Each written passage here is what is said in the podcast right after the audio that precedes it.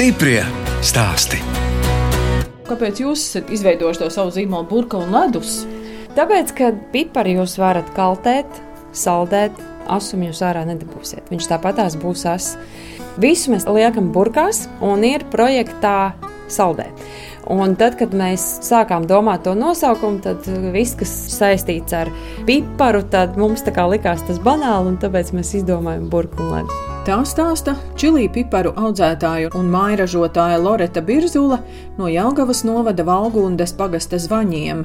Es, žurnāliste Dāna Zalamane, šoreiz tiekos ar lielākajiem čili piparu audzētājiem Latvijā, kas sezonas laikā siltumnīcās izaudzēja 3 tonnas čili piparu. Lorita ir rīzniece, ilgus gadus strādājusi reklāmas jomā, bet jau septiņus gadus lauku īpašumā kopā ar vīru audzē un pārstrādā čili piparus. Loreta izaugusi meža parkā. Meža parkā bija ļoti tāda interesanta un piesātināta dzīve tajos laikos. Mums bija jauktā skola gan krieviem, gan latviešiem.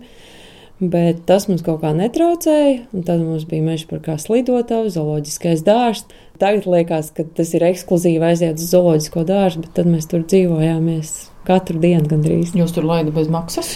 Nē, mēs zinājām, kā tikt iekšā.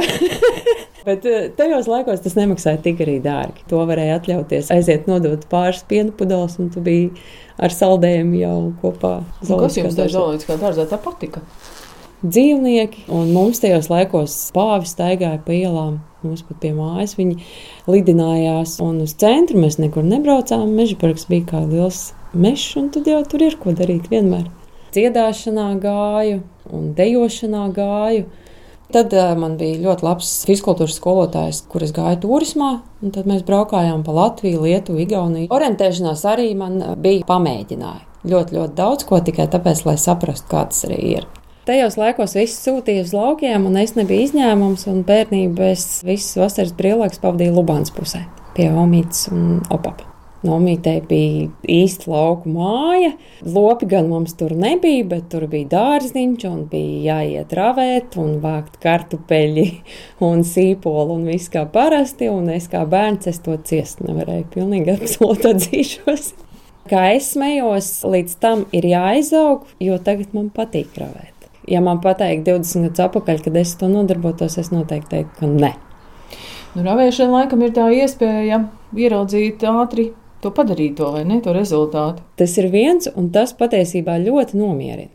Un gal galā zeme arī atņem kaut kādu varbūt sliktu enerģiju un tam līdzīgi. Tāpēc es tā to uztveru ar prieku tagad. Jo nu jau piekūst no tās pilsētas kņadas, tas ir viens, Un man liekas, ka tā tendence ir visiem braukt ārpus Rīgas jau dzīvoties, jo tā Rīga jau paliek tik piesātināta un tik skaļa, kad gribas kaut kur atpūsties, un cilvēki arī dzīvo visādās kolkās, smuki pie jūras, un es arī domāju, ka viņi to dara tikai tāpēc, ka ir piekusuši no Rīgas. Jūs pēc skolas uzreiz sākāt darba gaitas?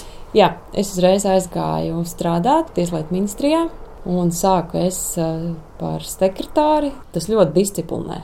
Mums toreiz bija jāievēro arī visādas etiķetes, principus, kā ģērbties, kā izturēties, kā kafiju pasniegt un tam līdzīgi. Un tas tiešām ir ļoti, ļoti vērtīgi. Tad es vēl pamētājos pa visādām citādākām darba vietām, un pēc tam es tikai eh, aizgāju strādāt reklāmas jomā. Tad es strādāju tādā vēsturiskā žurnālā Sieviete, Un tā kaut kā tā reklāma mani ievilka, un man bija arī pašai šādi jāizdomā kaut kāda reklāmiņa, un tas man arī tā iepatikās. Un man uh, vienmēr patika kaut ko izdomāt, man, piemēram, arī patīk zīmēt. Man tikai nesanāk nekad tam īsti laika. Darba gaitas reklāmā, tad jūs beidzāt pirmajā Baltijas kanālā? Jā, tā arī sakrita, ka tas iesākās tieši ar pandēmiju. Bet vai es pārdzīvoju? Nē, jo laukos pandēmiju es nejūtu nu nemaz. Absolūti. Siltumnīcā nav pandēmijas. Nē, jā. noteikti nē. Lorita, izstāstiet, šeit jums bija kāds dzimtas īpašums? Nē, to mēs iegādājāmies 11 gadus atpakaļ. To atrada mans vīrs, un tas notika viss kaut kā pats no sevis.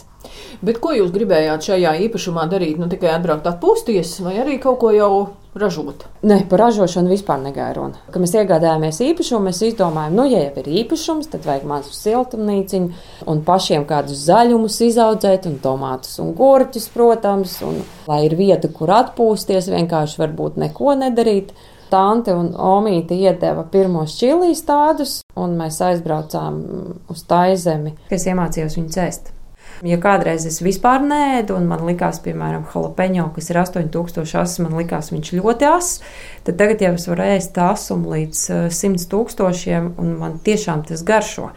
Mani vecāki arī, kas kādreiz arī bija ļoti kategoriski, nē, un viņi arī tagad ēd. Sākumā saimnieki čili piparus audzēja divās mazās siltumnīcās, bet čilīs tādus mājās uz palodzes.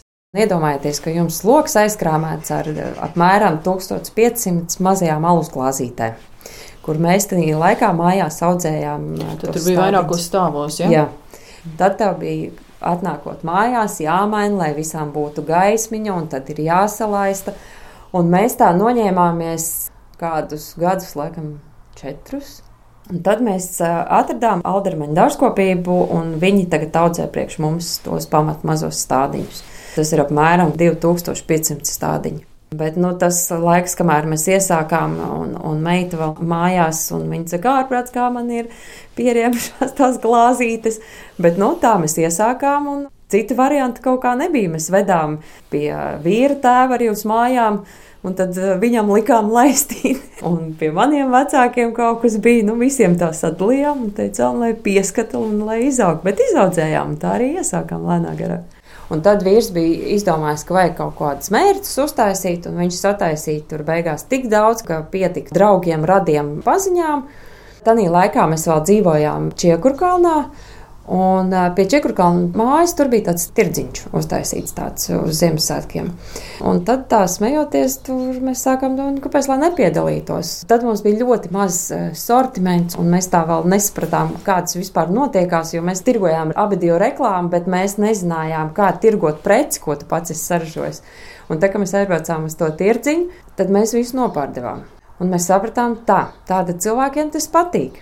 Tad mēs sapratām, lieta iet. Tad mēs uzbūvējām lielāku siltumnīcu, bet mēs visu laiku ar vīru tāpat strādājām, katrs savā pamatdarbā.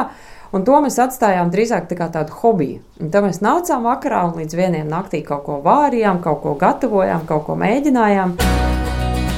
Stiprie stāstī!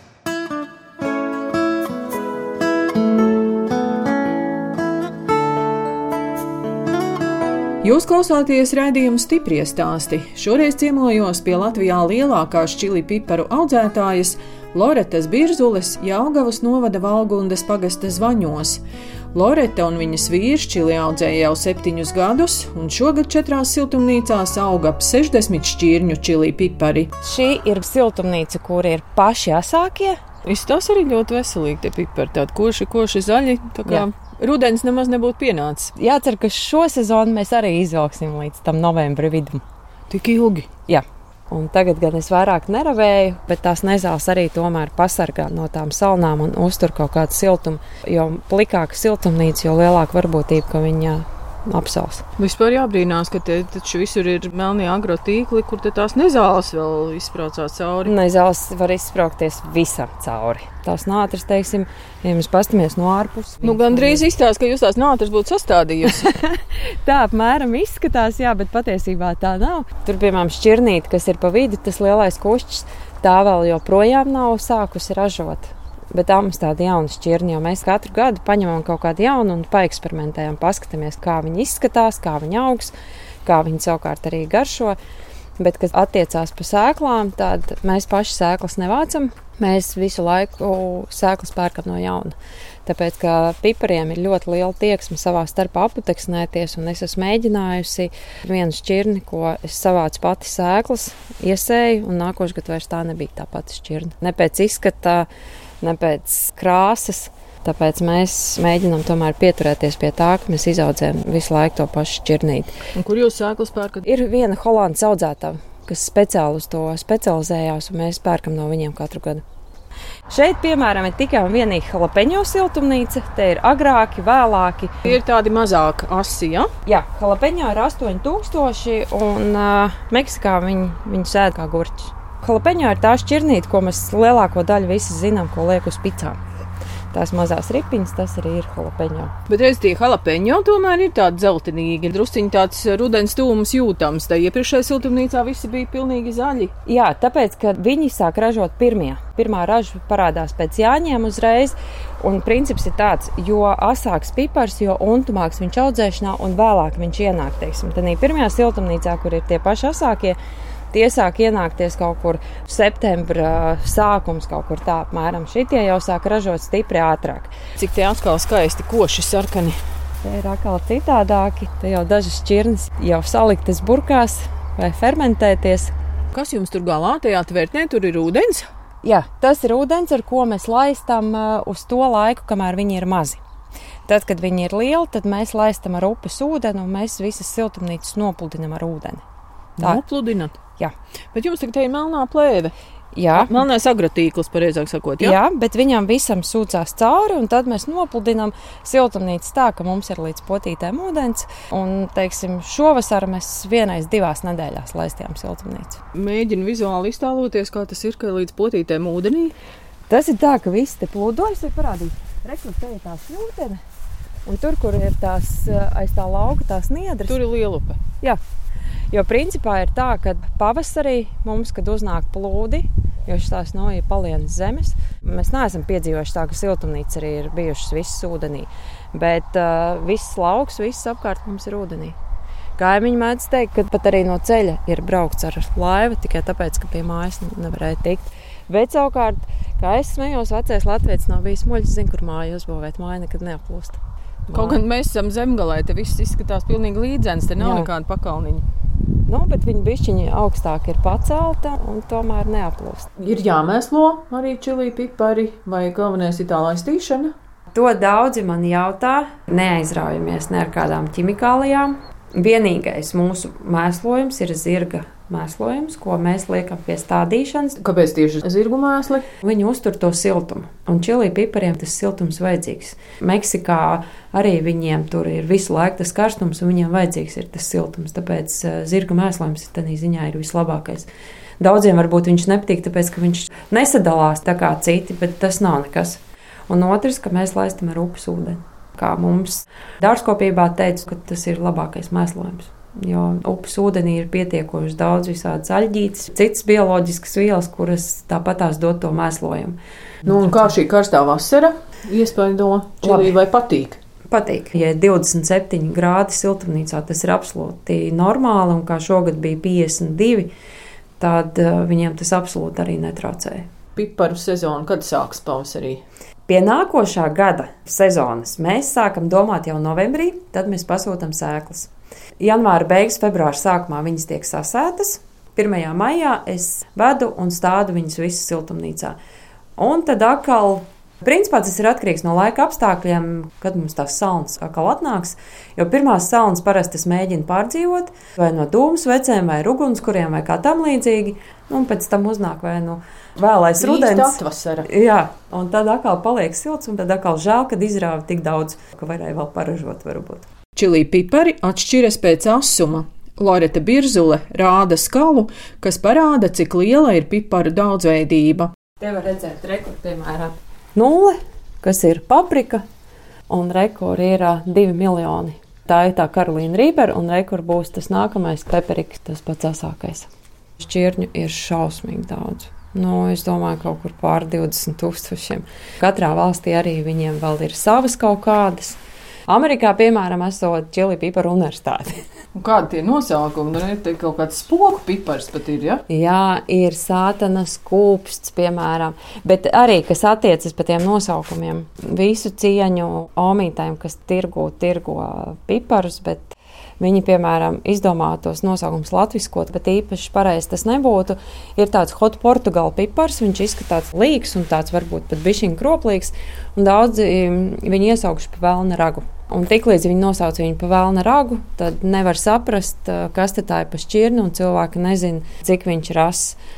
Tāpēc būtu ļoti jauki, ja blakus tam mūsu latviskotiem nosaukumam arī būtu tas autentiskais nosaukums. Piparam ir vajadzīgs tas nosaukums, lai jūs paši priekš sevis zinātu, cik asu ēdienu jūs varat atļauties ēst. Jo ir arī tādas šķirnes, viņas varbūt izskatās abas diezgan līdzīgas, bet vienam varbūt būs simtos tūkstošos asums, otrs varbūt būs labi, ja tūkstots asums. Tāpēc būtu labi, ja tomēr atstātu to nosaukumu. Oriģinālo. Mhm. Jā. Piemēram, šeit arī, kāpēc viņi raksta piemēram, no 125 tūkstošiem līdz 325. Viņš var būt tādā amplitūdē, tas asums, jo halapeņo arī parasti raksta no 5 līdz 8 tūkstošiem. Tas ir arī atkarīgs no laistīšanas, laika apstākļiem un tam līdzīgi. Valgundas pagasta zvaņos gadā izaudzē ap 3 tonnām čili piparu. Saimnieki no tiem ražo 30 dažāda veida mērces, pastas un marinējumus ar zīmolu, burka un ledus. Loreta stāsta, ka galvenais pavārs ir vīrs Ronalds Kreilis. Tad, kad uh, mēs iegādājāmies šo īpašumu, tad mēs tā smējamies. Man sagribējās siltumnīcu, un viņam patīk gatavot ēst. Un tā arī tas viss uh, mums ir tādā ritenī aizgājis. Un, teiksim, recepts, ko mēs ņemam, mēs ņemam no dažādām pasaules valstīm, ko mēs esam paši nogaršojuši, kas mums pašiem arī garšo. Bet nu, mēs visu laiku eksperimentējam, un katru gadu nāk kāda jauna mērce klāta vai kāds jauns izgudrojums. Savukārt izlasām kādu jaunu recepti. Mēs arī taisām tādas tobasko tipu mērcītes, kur arī ir dažāds asums, un mēs parasti uz visiem iepakojumiem rakstam, kas tas ir par piparu. Jo es cilvēkiem, piemēram, saku, saku es jums varu par to skovilu skalu stāstīt gari un plaši, bet jūs aiziesiet mājās un aizmirsīsiet. Bet tiklīdz ja jūs ierakstīsiet internetā piparu nosaukumu, tad jūs atcerēsieties, cik viņš ass ir. Es domāju, kāpēc cilvēki vispār uh, sāk ēst čili tikai tāpēc, ka ir piekusuši cilvēki no mūsu klasiskās karbonāts ar majonēzu rūtiņu. Cilvēki daudz ceļo, daudz lasa, viņiem ir atvērušās acis uz daudz dažādiem ēdieniem. Ļoti daudz, kur izmanto to čili piparu, un cilvēkiem arī gribas pašiem jau sākt gatavot. Tad, kad mēs taisām pašu asāko piparu, tad uh, mums ir maska Jau pirms pandēmijas mēs maskas nesājām. Nu, pie acīm ar kaut ko vajag, vai ne? Kādas Man, piemēram, brilles. ir brilles, vīrs neliek brilles, tad ir gumijas cimdi.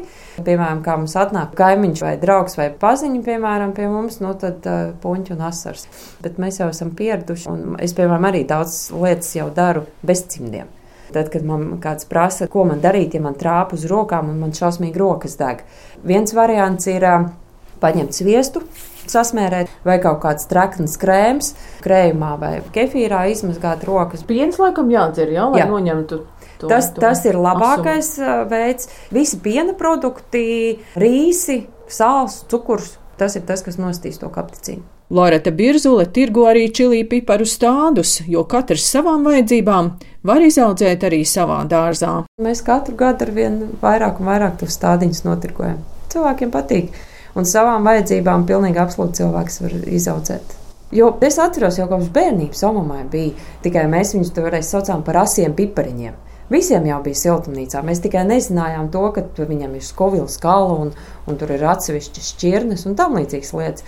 Bet, ja tā vēsturiski paskatās, man liekas, katrs bērnībā atcerās, ka bija kaut kur tāds uh, asais pipars, ko omīte bija piešāvusi pie gurķiem vai kādā marinādē vai tam līdzīgi. Bet ko īsti nozīmē tas, ka jūs tagad domājat par to piparu saldēšanu? Tas nozīmē vienkārši ieliek saldējumā kamerā.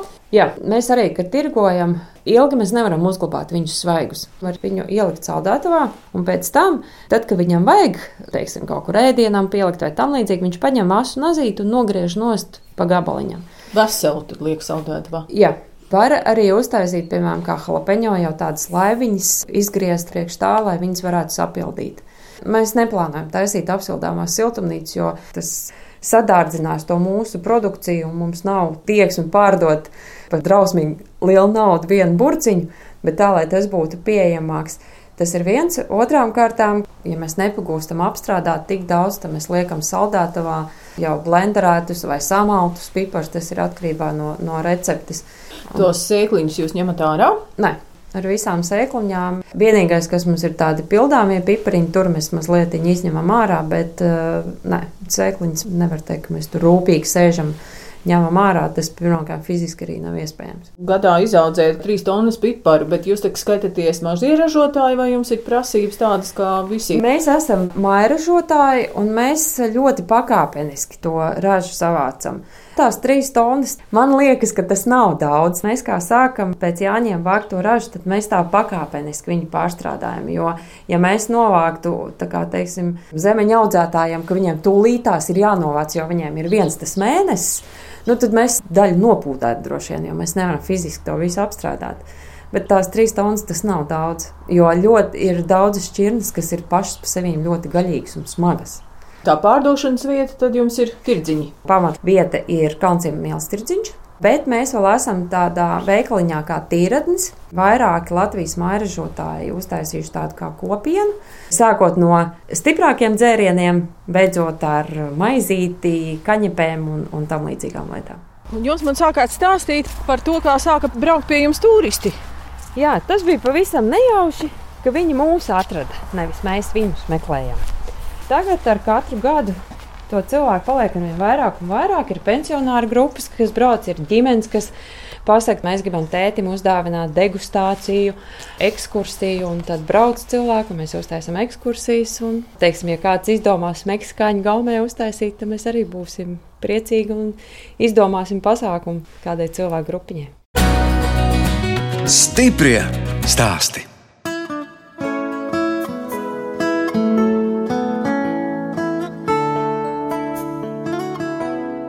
Skan raidījums stiprie stāsti.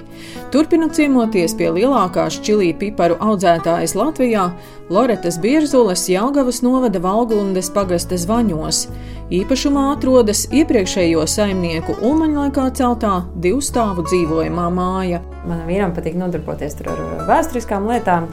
Māja ir tas Austrālijas vecais skārts. Tur pat ir tas spiedoks. Tā māja ir ļoti smuka, bet, nu, diemžēl, mēs viņu mantojumā dabūjām tādu, ka viņa bija degusi. Tur otrais stāvs arī izdedzis. Mēs jau bijām saukuši arī speciālistus. Domājam, ka varbūt tomēr varētu atrestaurēt, bet tas nav iespējams. Un man, piemēram, pašai arī ļoti patīk, un viss ir tā pārdomāts, ka tu redzi, tad nu, no visām pusēm viss, kas apkārt zemē notiek. Ko jūs teicāt, ja īstā vieta, un tur nekad nav plūdi, māja neaplūst? Jā. Nu, redz, jums te arī dārzā bija tie šūpuļu tīkli. Iznāk ar tur iegulties pavasaru? Uh, drīzāk draugiem.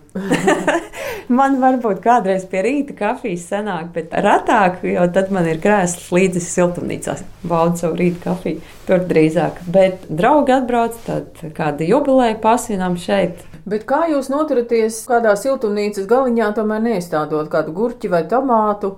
Man ir atsevišķa siltumnīca. Ah. Jā, tur mums ir um, arbūzi, meloni šogad pamēģinājām. Tur gan es audzēju arī citronu zāli, to mēs lietojam pie mērcēm. Un, protams, ka ir kāds tomāts un gurķis, bet ar gurķiem baigi neaizraujamies, cik nu atliek vietas tik sastādām, bet uh, mēs visu laiku uzturam jo mums ir tās labās ķiploku sēklas, mūsu pašu ķiploku, un mēs arī iepērkam no vietējiem ķiplokus. Tāpēc, kad ir baigā starpība starp importu ķiploku un mūsu. Bet jūs tad droši vien tie stiprie, ja? Jā, atliekam. ķiploki. Jā, viņas sēklē speciāli. Draudzene tad tomātus atved. Tad mēs ar kādu mairažotāju kaut ko samainām. Tirdziņā apmainās, kas nav izpirkts. Ja? Tieši tā. Un tad tie augļu koki tie jau ir no tiem veciem saimniekiem. Jā, Tur ir vecā Antonovka un vēl kaut kādas šķirnes, kuru mēs nemaz nezinām. Bet garšot mums viņa garšo, un tad mēs mēģinām viņus cik nu var uzturēt. Un ķirši ir daudz. Pašiem mums pietiek. Loreta, vai tas ir tik vienkārši, ka divi rīznieki izdomā audzēt pierīgā čilī piparus un viss izdodas? Ja tas sagādā prieku, tad es teikšu, ka tas ir viegli.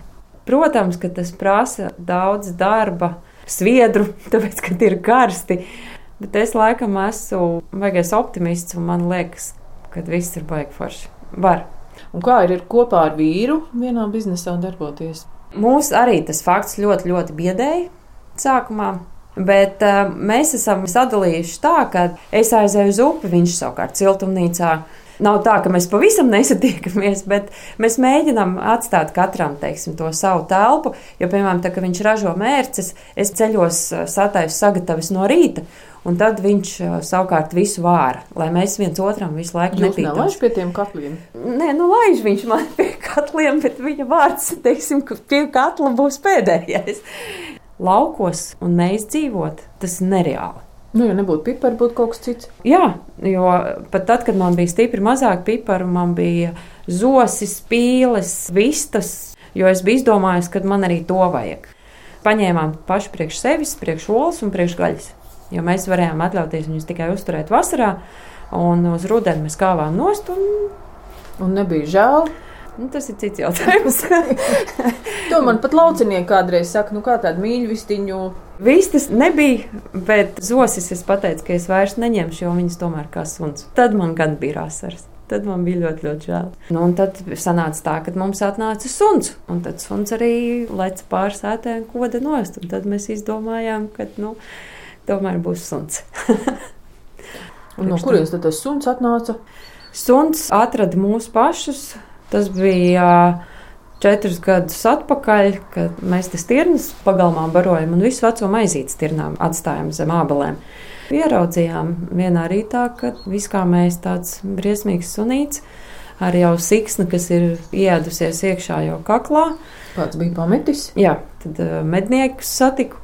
Un viņi teica, ka šī pusē ir pilns mežs tādiem, ko cilvēki met ārā. Un tad kaut kā mēs paņēmām to sunu, un tā viņš sāka dzīvoties pie mums. Kā sauc suni? Suni sauc Rio. Tā ir viņa, bet tas ir tāpēc, ka meita tajā gadā bija atbraukusi no Olimpiskām spēlēm, un tāpēc tā arī sanāca. Un es kā viņu ieraudzīju, tā man bija Rio, bet tas adopcijas laiks, kamēr viņš mums pielēta pie sevis un kamēr viņš nebaidījās no slotas kāda, tas bija diezgan grūts laiks. Tagad par meitu Ketiju izstāstiet. Jūs jau esat vecmāmiņa pati, ja? Jā, nu jau mazmeitē ir pusgads. Meita mācās Tehniskajā universitātē avioinženieris. Viņai ir vienmēr paticis viss, kas saistīts ar tehniku. Sākumā viņa nodarbojās ar burāšanu, bija aizbraukusi uz jauniešu pasaules olimpiādi, tad bija uz Rio.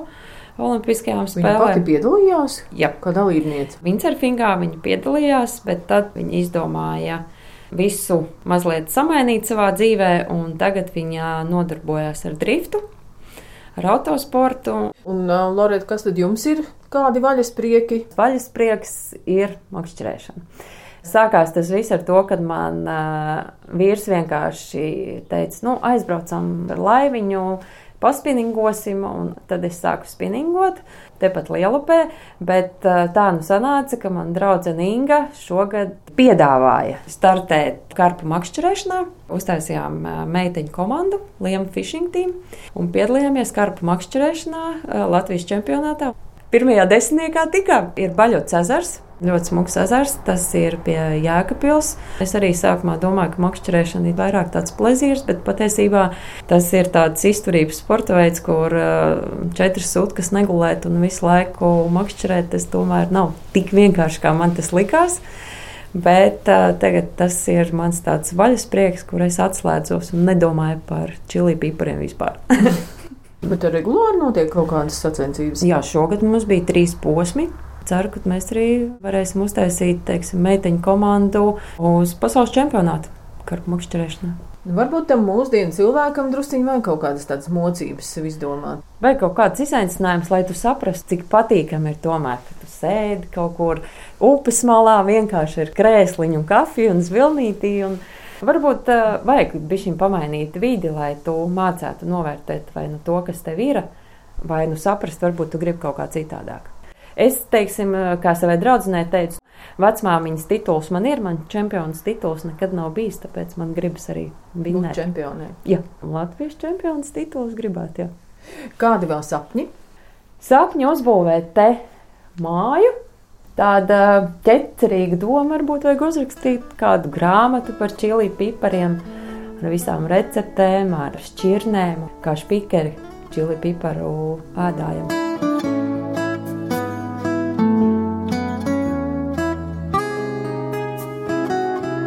Redījums stipri stāst izskan, un mēs atvadāmies no Loretas Birzules, lielākās čili pipara audzētājas Latvijā, kas kopā ar vīru četrās siltumnīcās sezonā izaudzē 3 tonnas čili piparu, un kā mājražotāji gatavo 30 veidu mērces, pastas un marinējumus.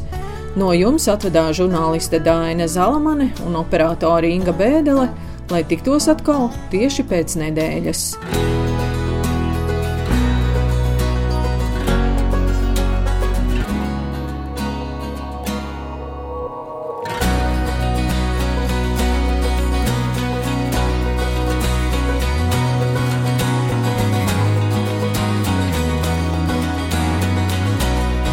Stiprie stāsti.